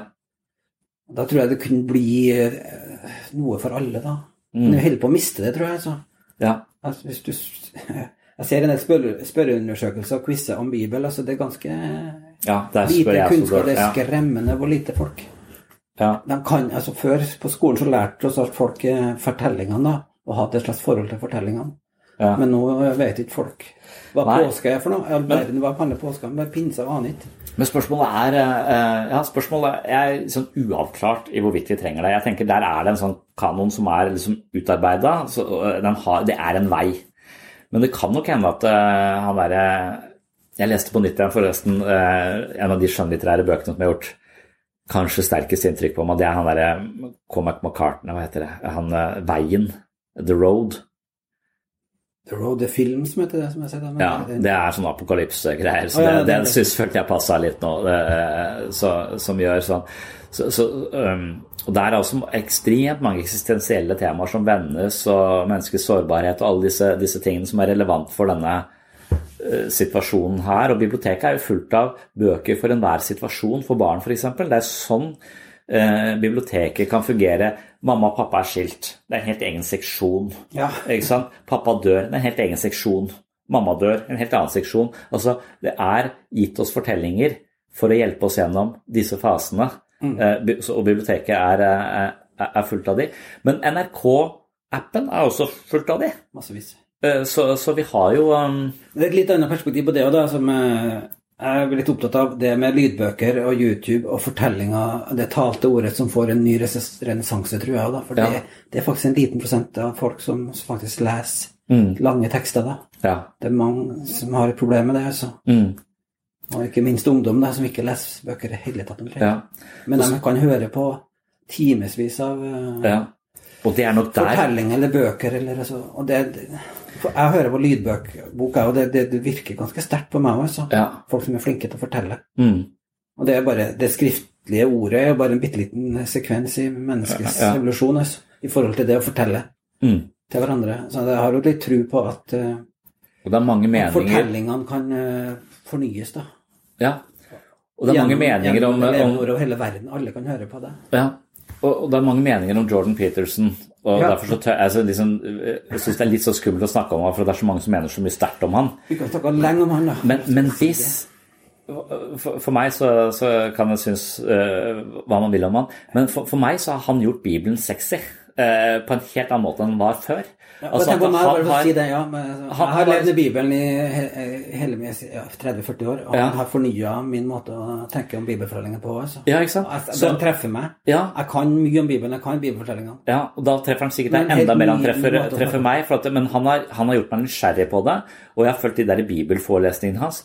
Og han er jo en pedagog av dimensjoner. Ja. Han har litt mye språk, men, men, men, og det krever litt å følge med. Men, Ja, han snakker, han tenker mens han snakker, da. Han, er, Han gjør det. Han, han leter i og, og det, er, eh, det er utrolig stimulerende for meg. Og, og jeg, det, er få, det er få forfattere jeg har anbefalt i gruppeterapi som virkelig har slått an. Men det også Noen mennesker har sagt hvis du bare ser den videoen av han, eller bare se, hører, eller leser det kapitlet i den boka, eller gir en tekst, et eller annet, så, så er det folk som har, eh, har adoptert hans blikk på ting. og de Ofte er det motstand hvis jeg sier det, noen andre er litt lei av oss og vi er i konflikt eller et eller annet sånt, nå, så har det virka forløsende. Og at han klarer å, å snakke i er det, hvor mange 60-70 timer om, om Bibelen. altså Det er utrolig mange forelesninger. Og det er bare første boka. Ja, og, og han er kul. Ja. Men Han er tøff, da. ja, han er kul på en sånn måte. Han er ikke kul sånn som de kristne som sier at de er kule, for de er ikke kule. Nei. Er ikke kult. Eh, Jesus er ikke sånn, sånne type 17. mai-tog-greier. Det, det, det syns ikke jeg er men, men Jordan Peterson han gjør det med en sånn type intellektuell brodd, dybde og en viss grad av hu... Altså, det er et eller annet der, så jeg føler at han har Hvis vi trenger disse store fortellingene, så har han gjort en veldig god jobb med å bringe de tilbake, eller blåse liv i de på en interessant måte. Og det syns jeg er fascinerende og prisverdig. Ja, den betydningen den har rundt forbi hele verden, jeg syns jeg er spennende å følge med på. da. Altså, jeg tenker på Nietzsche som sa at Gud var død fordi at han opplevde at Gud var borte, den kristne Gud var borte. Det, det, det hele fundamentet for uh, Ja. Fordi at det var blitt for mye himmellengting. Det var, Gud var blitt for fjern. Det var liksom ikke Mm. relevant for folk i hele tatt, den måten. Og, ja. Men han hører sa jo at det kom noe annet isteden, som var mye verre. mm. Og det, det, det gudløse ideologien er jo ikke noe suksess, det heller. altså. Nei. Det er verdt. Nei, men, men jeg, jeg vet ikke han Joal Noah er jo øh, ikke religiøs på noen måte.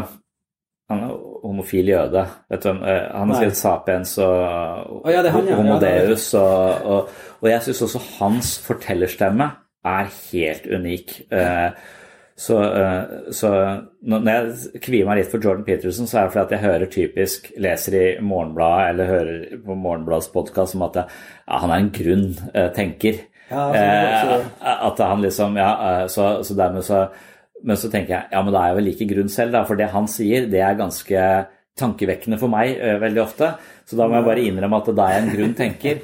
Men, og derfor så sier jeg, men, men Joal Noah Rari er- virker som folk anerkjenner. da, og Det har også vært en, en, en type bøker som har vært sånn mind-blowing for meg. da, også, også lese og følge hans tankerekker og høre han snakke med enten det er Sam Harris eller Jordan Peterson eller hvem han har snakket med. for da han, eh, så er det også sånne, så det finnes sånne ekstraordinære tenkere der ute som, som klarer å formidle det via det muntlige eller i Ja. bøkene sine, men bøkene er ofte ganske tjukke. Det er jo derfor det at jeg er blitt litt interessert i det du driver med òg, for du, du, jobber, du er psykolog, du jobber med kristendommen, du jobber med de store fortellingene. og Jeg har nærmet meg dem en litt annen vei, men jeg har litt tro på at psykologisk innsikt eh, er et språk som kan brukes, som alle kan forstå, da, og, og som kan eh, Det blir ikke de kristne som eh, er forskjellige fra andre mennesker, eller noe sånt. men- Men det er alle sammen som strever med de samme tingene. Ja. Og vi trenger Vi trenger å kaste vekk noe av det gamle, men vi trenger å ta vare på noe av det gamle. Altså. Mm. Ja.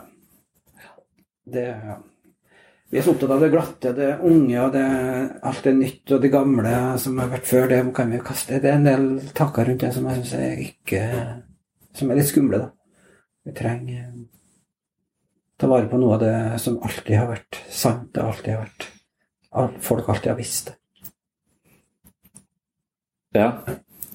Og sant i en sånn metaforisk forstand. Eh, For du må oversette det fra den konkrete fortellingen om straff Ja. til en mer universell fortelling om konsekvenser. Mm. Eh, Ja, ja. Mens eh, straffen, det er den som Det, det føler jeg er eh, datidens forsøk på å, å lage en catchy fortelling, på en måte. Eller eh, at det er sånn Kanskje det delvis har skjedd en del ting, men at det har, det har fått en, en Historier er jo historier fordi de har en slags eh, eh, De er oppbygd på en bestemt måte. Det er et slags klimaks. eh, Det skjer noe. Det, det, det, kan jo ikke være Gode råd og historier er forskjellige ting. Du kan høre masse gode råd, og det er forsket på, og, er, og hvis du gjør sånn, så får det konsekvenser. Men det er bare det, det treffer oss ikke i hjertet. Mens historier som vi kan følge, vi kan følge følelsene dine, vi kan følge narrativet, vi kan følge med Jesus, vi kan følge smerten hans, vi kan føle sviket, vi kan føle eh, Alle har følt seg svikta en gang. Vi, vi kan, det resonnerer med følelsene våre samtidig som det gir oss en en type helt sånn innsikt. allmenngyldig fortelling. Ja. Han Ja. svikta vennene sine, om å bli spikra fast, ikke vite hvor du skal gjøre Ja. av deg i livet. Så, Ja. Og det at du, det kan oppstå noe nytt gjennom det vonde og vanskelige du opplevde. Og mange som opplevde tøffe ting i livet. Ja. Jeg òg. Og kan si det at det var fælt. Men jeg har lært noe av det, så det har gjort noe med større innsikt og større mening og retning i livet. Da. Og dermed så er det det som er guddommelig ved det, er at det har en gjennomslagskraft selv om det ikke har skjedd. Hvis de, jeg bryr meg ikke, men det trenger ikke ha skjedd for å ha en guddommelig gjennomslagskraft. Det er Nei. bare fordi at det, er, eh, det, brukes metaforer og, et, eh, og en type narrativ som treffer mennesker på sånn måte at de skjønte at dette er en, en ny måte å tenke på. Det er en ny Ja. måte å tenke om kjærlighet på. Det er en ny måte å tenke om, eh, om relasjoner på. Det, det, det bebor så mange elementer. Jeg som krever, en eh, andakt der en om eh, det var vel om påske det, som sa, sa, han sa det er bare to muligheter her i den fortellingen. Det at det har skjedd, eller ikke har skjedd. Ja. Og hvis det ikke har skjedd, så er det jo bare å glemme alt med kristendommen. Så skal Så, så, så tenker jeg det, det er en tredje alternativ. Så det Ja. handler om noe som alltid har skjedd. da. Mm. Noe som alle kan gjenkjenne seg i. Ja. Som er- handler om visdom. Det er det samme som Ja, en eh, fantastisk roman som handler om eh, mitt liv, og som Mm. handler om noe som alltid har skjedd, eller som Du- alle kan kjenne seg igjen i. Jeg tror vi må eh, begynne Vi må å avslutte. av, ja. Eh, Men klokka du vet hun Aud Sunde Smemo som vi skulle hatt med her i dag? Ja. Hun, hun har jeg på Facebook nå. Ja, Har du det? jo. Ja. Og hun driver og anbefaler sånne bøker. Ja. Eh, og den, jeg, alle mennesker som anbefaler bøker, selv om jeg ikke kjenner henne, jeg bare møtte henne én gang, så tok jeg den boka som heter Prosten. Har du lest den? Nå husker altså, jeg ikke forfatteren, men, men i hvert fall så Jeg tror det, men jeg tror ikke ja. det var kjent. Det er en, en eh, fortelling, en, en slags uh, forankret i en, eh, en morfaren til forfatteren, uh, som blir uh, eh, prest og fortsatt kall oppe i Nord-Norge på sånn type eh, slutten av eh, første verdenskrig, mellom Mm. første og andre, andre verdenskrig. Eh, så, så, så det er en sånn veldig eh, Hun er jo prest, da, så det er jo en veldig sånn kristen fortelling. Hun har fått ekstremt gode kritikker, og den fanga man den historien. Ja. Så det eh, ja. Jeg husker du fikk anbefalt i bok av meg, jeg tror jeg fikk låne den om. Den Ja. 'Sette verden i brann. Ja.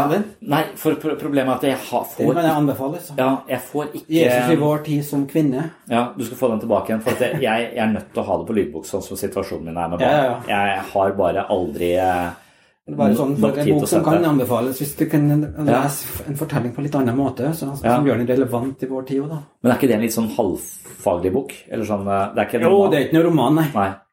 Ja. Men det er jo en fiksjon om hvordan det kanskje kunne sett ut hvis Jesus var kvinne og kom oh, ja. til verden i dag, da. Ja. Til vår verden. Mm.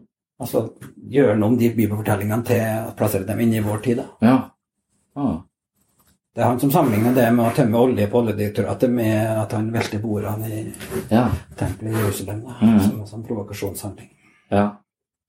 Det er Grete Thunberg som skal gjøre det hos oss, er det ikke Noe det? sånt. Men hun er altfor liten å løfte et helt oljefat. Nei, men vi må runde av, ja, Sondre. Det, Ja. Vi kunne ha snakka lenge, men det Mm. Kanskje vi må møtes og ta et annet tema om ikke så altfor lenge. Vi får se på det.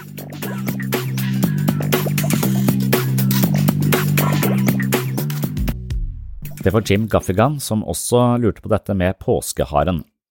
Påskeharen er altså en liten gåte, men religionsvitere vet hvorfor den dukker opp. Påskefeiringen er nemlig ikke bare noe som hører til den kristne tradisjonen, og i vår del av verden har den først og fremst handlet om en vårfeiring. Det som står sentralt i de hedenske eller førkristne tradisjonene, er vår og begynnelsen på livet. Det handler om det å bli født på ny. Dette sier Anne Kalvik, som er førsteamanuensis i religionsvitenskap ved Universitetet i Stavanger til NRK. Det engelske ordet for påske, easter, kommer av den anglosaksiske gudinnen Eoster, som også har en parallell i gresk mytologi med gudinnen Ostara. Ordet påske kommer av det hebraiske ordet pesak, som er en feiring av jødenes frigjøring fra Egypt. Egget er blant de mest tidløse symbolene. Det er så sterkt i seg selv. Det er rundt, det har ingen ende, det er kilden til liv og kilden til næring, det kan minne om solen, osv. Egget har blitt brukt som religiøst symbol i alle år. Det er funnet inngravert strutseegg i Afrika fra så langt tilbake som om lag 60 000 år siden. Når det gjelder påskeharen, finnes det mange mytiske fortellinger. Denne historien stammer fra gresk mytologi, men ble også tatt opp som en sentraleuropeisk tradisjon rundt 1700-tallet i Tyskland. Deretter ble tradisjonen også eksportert til USA, et land hvor påskeharen står veldig sterkt. Anne Kalvik kan fortelle oss at det handler om en fugl som må omskape seg til en hare for å slippe unna en jeger. Denne fuglen er glad for denne muligheten for å redde sitt eget liv, men lengter etter å legge egg. Påsken er den tiden på året hvor påskeharen igjen får lov til å legge egg slik den gjorde da den var en fugl. Som kjent er også kaniner et yndet symbol i påsketiden, og harer og kaniner er egnet fordi de er kjent for å være veldig forplantningsdyktige. Så det er denne forplantningsiveren som har trukket frem disse dyrene som vårsymboler. Nytt liv, en ny vår, våryr og vårkåt blandet med litt smerte, lidelse og oppstandelse. Kors, en 2000 år gammel snekker, appelsiner, Kvikk og alpinanlegg er altså påsken i et nøtteskall, men i år måtte vi droppe alpinanlegget. Og for min del var alpinanlegget det beste ved hele påsken, men noe må man altså ofre for å bekjempe en pandemi. Det var det vi hadde for denne gang. Takk til Erlend Waade for en fin samtale. Takk til alle dere som har fulgt oss så langt. Takk til alle som har støtta podkasten ved å dele den i sosiale medier, nevne den for venner og bekjente og eventuelt rate den i iTunes, og en spesiell takk til alle dere som har blitt Patrion-supportere. Patrion-supporter av sinnssyn, det betyr at man eh, har fått et eh, medlemskap i mitt mentale helsestudio på patrion.com. Det er en måte man kan eh, støtte podkasten på, ved å gi en liten sum tilsvarende en kopp kaffe eller to i måneden. Og ved å støtte podkasten så hjelper man meg å holde hjula i gang her på sinnssyn. Det er ganske tidkrevende og kostnadskrevende, og det å få litt støtte fra dere som hører på, det er gull verdt.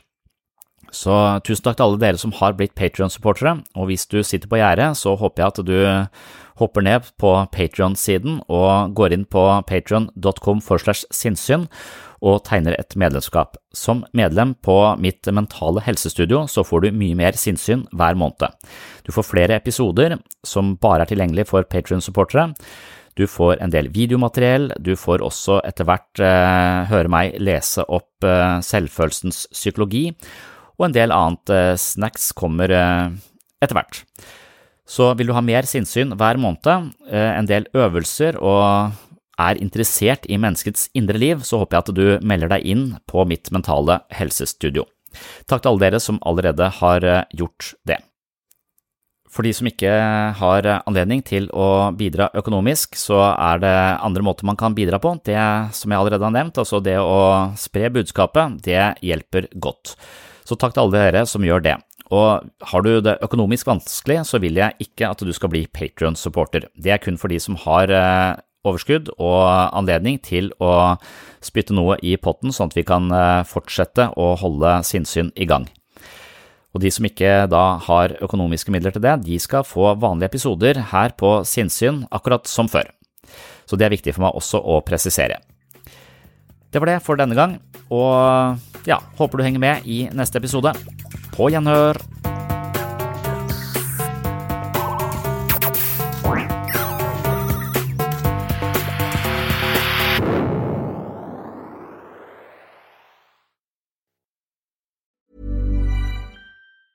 A lot can happen in three years, like a chatbot may be your new best friend. But what won't change? Needing health insurance. United Healthcare Tri Term Medical Plans, underwritten by Golden Rule Insurance Company, offer flexible, budget friendly coverage that lasts nearly three years in some states. Learn more at uh1.com. Planning for your next trip?